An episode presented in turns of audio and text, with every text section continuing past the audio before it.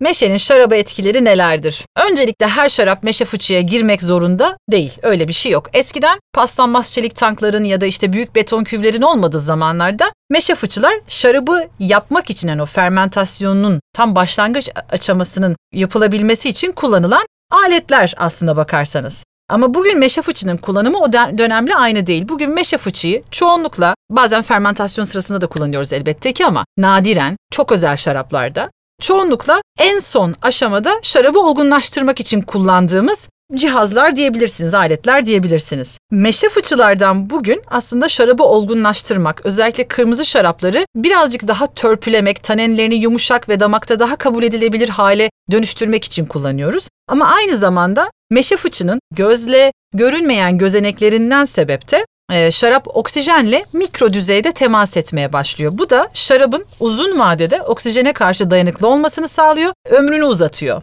Kısaca ne yapar şaraba derseniz hani bunları sıralayacak olursak bir kere kırmızı şaraplar tanenlerin dokusunu yumuşatır. Yani tanen miktarı aynı kalabilir ama tanenler yuvarlaklaşır. Şarabın rengini koyulaştırır. Bunu kırmızılarda çok kolay göremeyiz ama beyazlarda net olarak çok daha kolay görürüz. Aynı üzümün biri meşe fıçıya girsin, aynı üzümün şarabının biri meşe fıçıya girsin diğeri girmesin. Net olarak o renk farklılığını görürsünüz. Ve tabii ki şaraba bir takım aromalar katar.